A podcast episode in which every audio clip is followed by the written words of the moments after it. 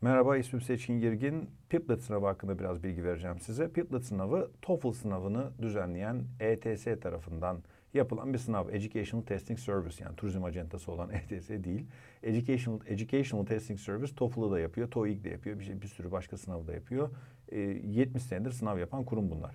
E, Şimdi bu, bu sınav daha çok işe alım süreçlerinde ve terfi e, süreçlerinde kullanılan bir sınav. Kurumlar yapıyor bunu yani. Siz gidip e, kendiniz almıyorsunuz bu sınavı. Diyelim işe gireceksiniz veya terfi bekliyorsunuz. Size şu sınava hadi gönderdim diyor bir link gönderiyor. O sınav üzerinden giriyorsunuz. O link üzerinden giriyorsunuz. E, browser üzerinden yapılan bir sınav. Evde yapabilirsiniz. Ya da kurum tabii aksini belirtmediği sürece kurum gelip benim e, toplantı odamda yapacaksın da diyebilir eğer güvenmiyorsa size. E, size güvenme değil yani e, şirket politikasından bahsediyorum tabii. E, Burada e, tabii ki e, çeşitli güvenlik önlemleri de almış sınav. Yani e, orada browser açtıktan sonra browser üzerinde ileri geri yaparsanız ya da e, başka bir e, tab açıp orada işte başka bir pencere açıp oradan e, bir yardım almaya kalkarsanız sistem bunu anlıyor ve uyarıyor. E, büyük ihtimalle ben demosunu çözdüğümde uyardı. Ama e, siz şeyde hani normal gerçek sınavda yaparsanız muhtemelen sınavınızı iptal edecektir. Sınav 40 farklı dilde yapılıyor arkadaşlar. Sadece İngilizce sınavı değil bu. Yani birçok farklı dilde yapılıyor. Türkçe de var. Türkçe ölçü, aynı zamanda Türkçe bilgisini de ölçüyor sınav. Ve 6 ila 8 soru aşağı yukarı geliyor ve 30 dakikalık bir sınav bu. Yarım saat yani çok da uzun süren bir sınav değil. Peki soru tiplerine bir bakalım. Şimdi ne, ne soruyor bu sınav? Bir sesli okuma. Bir önümüze bir metin çıkıyor. Bunu oku diyor bize. Burada telaffuzumuzu ölçüyor doğal olarak. Metin çok uzun değil böyle 100-150 kelime arasında bir metin genelde işte böyle bir kısa bir paragraf gibi düşünebiliriz. Böyle çok e, burada şey yapacak hani endişe edilecek bir soru tipi değil. Daha sonra bir resim çıkıyor karşımıza. E, bu arada 3 dakika veriyor sesli okuma bölümüne.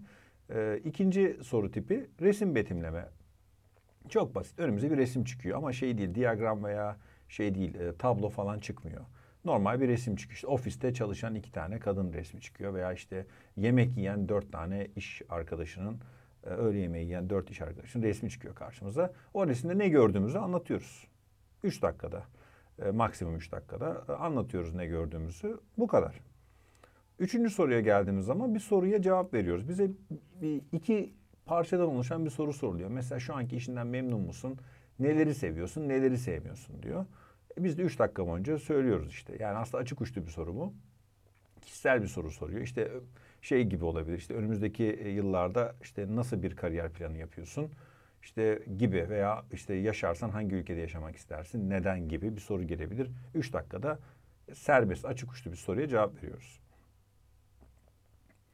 Dördüncü soruya bakalım. Dinleyip cevap verme. Burada da arkadaşlar kısa böyle 15 saniye bile sürmeyen bir e, şey var orada. E, bir dinleme var. Audio var. Başlatıyorsunuz. E, ben demosunu yaparken bana şey dedi işte. Ya iş yerinde motivasyonu arttırmak istiyoruz ama işte bana iki tane şey ver, tip ver. Yani iki tane tavsiye ver. Motivasyonu nasıl arttıralım dedi. 15 saniyede bunu dinliyorsunuz. Yani size işte motivasyonu nasıl arttırayım diyor. Siz de sonra buna işte 3 dakikada cevap veriyorsunuz. İşte e, ne yapılabilir? Onunla ilgili cevap veriyorsunuz. Aslında üçüncü soru yani soru, bir soruya cevap verme. Dördüncü soru dinleyip cevap verme. Burada entegre aslında diyor ki bir tanesinde üçüncü soruda okuduğunu anlayıp cevap verebiliyor musun? Dördüncü soruda dinlediğini anlayıp cevap verebiliyor musun? Bunu ölçüyor. Aslında üç ve dört aşağı yukarı aynı. Sadece e, entegrasyon yani orada birinde okuma birinde dinleme ölçüyor. Ama kolay yani onu söyleyebilirim. Yani B1 plus seviyesinde İngilizce bilen biri soruları anlar. Yani cevap verme konusunda bilmiyorum. Belki konuşma konusunda biraz çekinceleriniz vardır ama soruları anlarsınız. Beşinci soru tipine bakalım. Bu da arkadaşlar hani ikinci soru vardı ya resmi görüp e, yani resimde ne gördüğümüzü anlatıyorduk üç dakika boyunca. Bu sefer resimdeki e, gördüklerimizi yazarak ifade ediyoruz. Yani resimde ne görüyorsanız bunu sefer yazıyorsunuz aslında. Konuşmak yerine yine üç dakika 40 karakterlik bir sınır var. Kelime demedim, karakter dedim. Dikkat edelim. Kısa yani bir cümle bile yazsanız 40 karakteri buluyorsunuz zaten. Twitter'dan bilirsiniz veya SMS'lerden. Ee, tabii ki 40 karakter minimum requirement burada. Daha fazla yazmanız e, iyi olacaktır tabii. 3 dakikada ne çıkarsa işte adam oturuyor, işte yemek yiyorlar, mutlular, bence arkadaşlar falan. Böyle e, cümleler kurup 3 dakikada bitiriyorsunuz. Sonra e-postaya cevap yazma. Burada 6 dakika. Sonraki soruda bize bir e-posta veriliyor. Benim e, kul, e, şey yaptığım, aldığım sınavda, demoda şöyleydi. İşte bir arkadaşım bana e-mail atmış. Ya iş bulmam lazım. Sence ne yapayım? diye bana mail atmış. Ben de ona 200 karakter en azdan oluşan bir cevap yazdım. Ee, ve bu yani bir mail var. Bu maila cevap yazıyorsunuz. Bu da basit bir e-mail arkadaşlar. Anlarsınız yani. Hani öyle çok anlaşılmayacak bir e-mail değil. Kısa zaten. Çok kısa bir e-mail. 6 dakikada işte 200 kelime karakterden az olmamak koşuluyla cevap yazmanız bekleniyor. Son olarak da size 10 dakika süre veriliyor ve kompozisyon yazmanız isteniyor. Kompozisyon dediğime bakmayın böyle IELTS TOEFL alakalı bir şey değil bu. Alaka, yani iki, e, minimum 600 karakter. 600 karakter dediğimiz iki paragraf. Zaten bir 10 dakika süre veriyor zaten. Yani kompozisyon demeyelim biz ona da işte ne diyelim? İşte bir yazı yazmamız isteniyor diyelim. Yazı denir buna en fazla. Yani bunun bir türü yok bence. 10 dakika süre zaten bir e, böyle kapsamlı bir e, şey yazmak, kompozisyon yazmak için pek yeterli bir süre değil. Dolayısıyla burada da bir konu veriliyor. Bu konu genelde işle alakalı oluyor.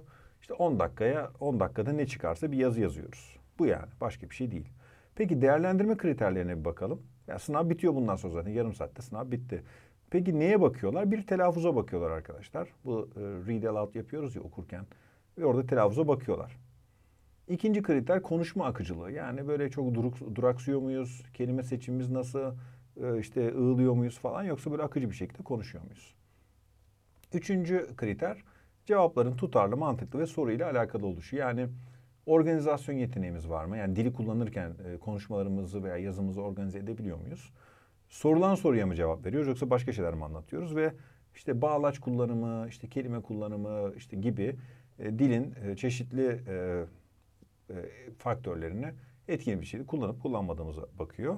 Son olarak da gramer ve kelime bilgisi tabii ölçülüyor. Dil bilgisi hatası yapmamamız beklenir, bekleniyor.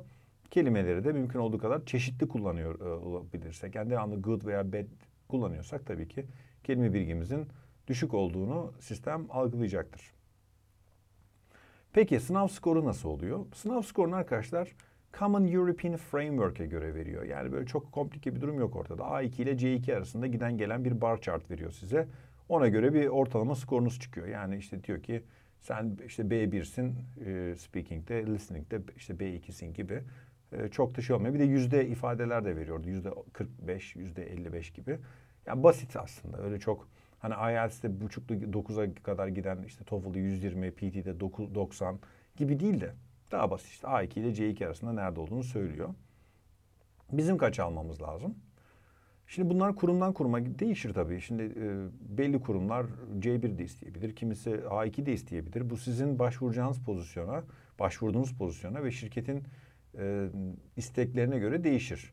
Ama e, normal şartlarda kabul edilebilir İngilizce bilgisi B2'dir arkadaşlar. Dolayısıyla sınava girdiğinizde ortalamanızın B2 olması beklenir. B2'nin daha altında aldıysanız o artık kurumun takdiridir. Ama birçok kurum B2 ister. Daha üst pozisyonlarda C1 de isteyebilir. Burada tabii ki e, kurumun e, kararı önemli. Sizden ne istediği önemli. E, şeyi de arkadaşlar podcast'in altına da sınav hakkında bilgi ve demo e, sınavında bırakacağım. Zaten resmi sitesinde var. E, girdiğiniz zaman görürsünüz e, demoyu da. E, o şekilde bir sınavı çözersiniz, bakarsınız. Biz bu sınavı hazırlıkta yapmak istiyorsanız bize de ulaşabilirsiniz tema dile. E, biz çeşitli böyle sınavlarla ilgili terzi işi e, şeyler, hazırlık programları oluşturabiliyoruz. Buna göre de size bir çalışma programı oluşturabiliriz. İyi günler diliyorum.